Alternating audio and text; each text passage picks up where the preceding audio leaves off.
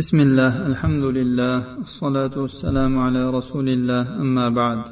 قال المصنف رحمه الله تعالى ثواب من قضى حوائج إخوانه المسلمين. مصنف رحمه الله dedilar musulmon birodarlarning hojatlarini o'tagan kishining savobi haqida عن أبي هريرة رضي الله عنه عن النبي صلى الله عليه وسلم قال من نفس عن مسلم كربة من كرب الدنيا نفس الله عنه كربة من كرب يوم القيامة. ومن يسر على معسر يسر الله عليه في الدنيا والآخرة. ومن ستر على مسلم في الدنيا ستر الله عليه في الدنيا والآخرة. والله في عون العبد ما كان العبد في عون أخيه. رواه مسلم. abu hurayra roziyallohu anhudan rivoyat qilinadi nabiy sollallohu alayhi vasallam dedilar kim bir musulmondan dunyo g'am g'ussalaridan birini ketkizsa alloh taolo undan qiyomat kunidagi g'am g'ussalarni ketkazadi. Kim qarzini uzishga qiylanib qolgan qarzdorga yengillik qilsa alloh taolo unga dunyoyu oxiratda yengillik qiladi. Kim bir musulmonni dunyoda aybini yashiradigan bo'lsa alloh taolo uni dunyoda va oxiratda aybini yashiradi olloh banda modomiki birodarining ko'magida bo'lar ekan alloh taolo bandaning ko'magidadir albatta alloh taolo unga ko'mak beradi imom muslim rivoyatlari وعن ابن عمر رضي الله عنهما أن رسول الله صلى الله عليه وسلم قال المسلم أخو المسلم لا يظلمه ولا يسلمه من كان في حاجة أخيه كان الله في حاجته ومن فرج عن مسلم كربة فرج الله عنه كربة من كرب يوم القيامة ومن ستر مسلما ستره الله يوم القيامة رواه البخاري ومسلم. ابن عمر رضي الله عنهما رواية خناد رسول الله صلى الله عليه وسلم musulmon musulmonning birodari u unga zulm qilmaydi va uni taslim ham qilmaydi. Kim birodarining hojatida bo'lsa alloh taolo uning hojatida bo'ladi. Ya'ni birodarni hojatini o'tash uchun yursa alloh taolo ham uning hojatini o'taydi. Kim bir musulmondan g'am g'ussani xafagarchilikni ketkitsa alloh taolo undan qiyomat kunidagi xafagarchiliklardan birini ketkazadi yoki g'am g'ussasidan birini ketkazadi. kim musulmonni satr qilsa alloh taolo uni qiyomat kunida satr qiladi ya'ni aybini yashiradi وعن زيد بن ثابت رضي الله عنه عن رسول الله صلى الله عليه وسلم أنه قال لا يزال الله في حاجة العبد ما دام في حاجة أخيه رواه التبراني بإسناد جيد zayd ibn sobit roziyallohu anhudan rivoyat qilinadi rasululloh sollallohu alayhi vasallam dedilar modomiki banda birodarning hojatini o'tash yo'lida yurgan bo'lsa alloh taolo uning hojatida bo'ladi. Alloh taolo ham uning shu bandaning hojatini o'tashlikda bardavom bo'ladi. Ushbu hadisga sahih targ'ib va tarhibda ikki ming olti yuz o'n to'qqizinchi raqam ostida sahihun deb hukm qilingan.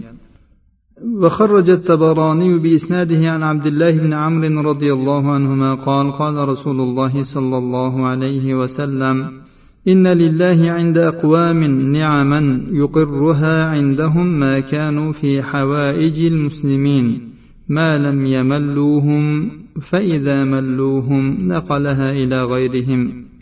تبراني عبد الله بن عمرو رضي الله عنهما رواية خلادة dedilar rasululloh sollallohu alayhi vasallam aytdilar alloh uchun ba'zi bir qavmlar oldida ya'ni kishilar oldida berib qo'ygan ne'matlari bo'ladi.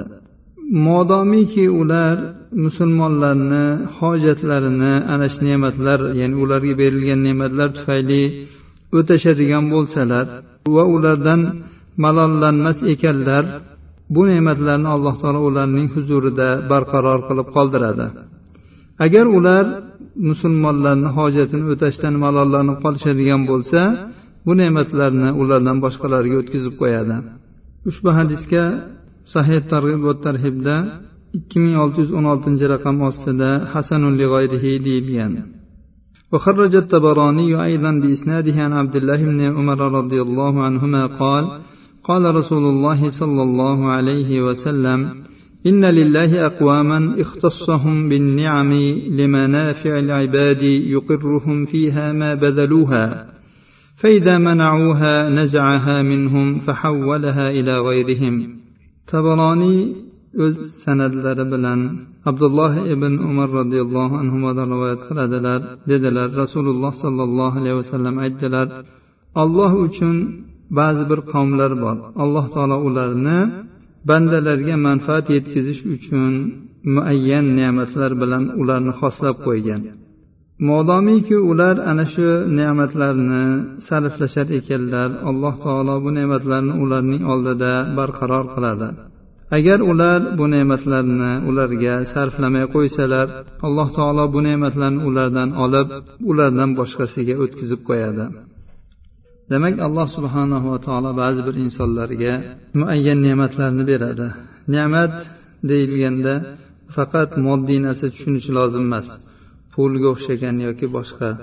Gohlarga alloh taolo obro' bergan bo'ladi gohlarga fikr bergan bo'ladi gohlarga epchillik bergan bo'ladi shunga o'xshagan ne'matlarni bergan bo'ladi.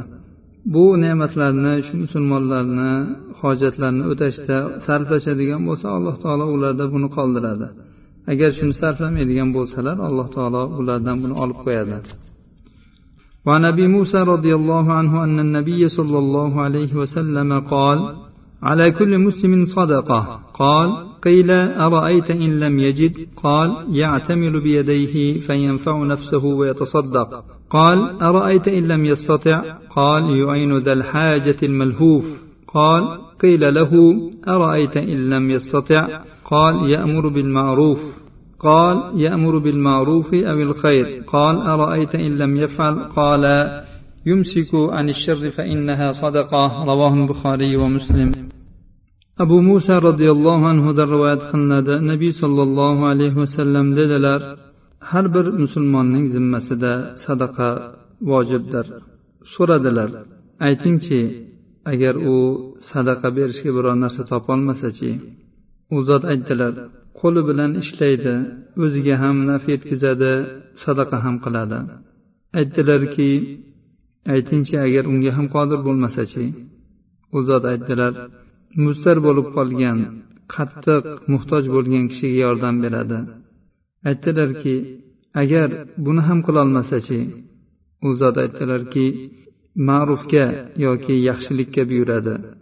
Ular aytdilarki aytingchi agar buni ham qilolmasachi yomonlikdan tiyiladi dedilar.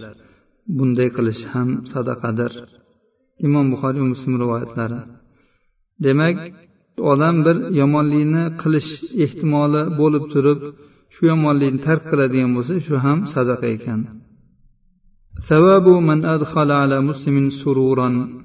musulmon kishiga xursandchilik baxsh etgan odamning savobi haqida yoki musulmon kishini xursand qilgan kishining savobi haqida وخرج الطبراني بإسناده عن عمر رضي الله عنه مرفوعا أفضل الأعمال إدخال السرور على المؤمن كسوت عورته أو أشبعت جوعته أو قضيت له حاجته طبراني umar roziyallohu anhudan marfuan rivoyat qiladilar.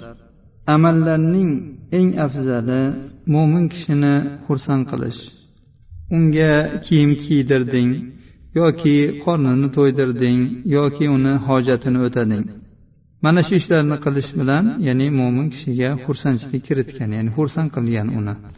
Ushbu hadisga sahih targ'ib va tarhibda to'qqiz yuz ellik to'rtinchi raqam ostida hasan deb hukm qilingan وخرج أبو القاسم الأسبهاني بإسناده عن عبد الله بن عمر رضي الله عنهما أن رجلا جاء إلى رسول الله صلى الله عليه وسلم فقال يا رسول الله أي الناس أحب إلى الله؟ فقال أحب الناس إلى الله أنفعهم للناس وأحب الأعمال إلى الله تعالى سرور تدخله على مسلم تكشف عنه كربة أو تقضي عنه دينا أو تطرد عنه جوعا ولأن أمشي مع أخ في حاجة أحب إلي من أن أعتكف في هذا المسجد يعني مسجد المدينة شهرا.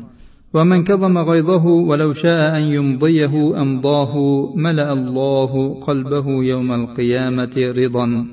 ومن مشى مع أخيه في حاجة حتى يقضيها له ثبت الله قدميه يوم تزول الأقدام.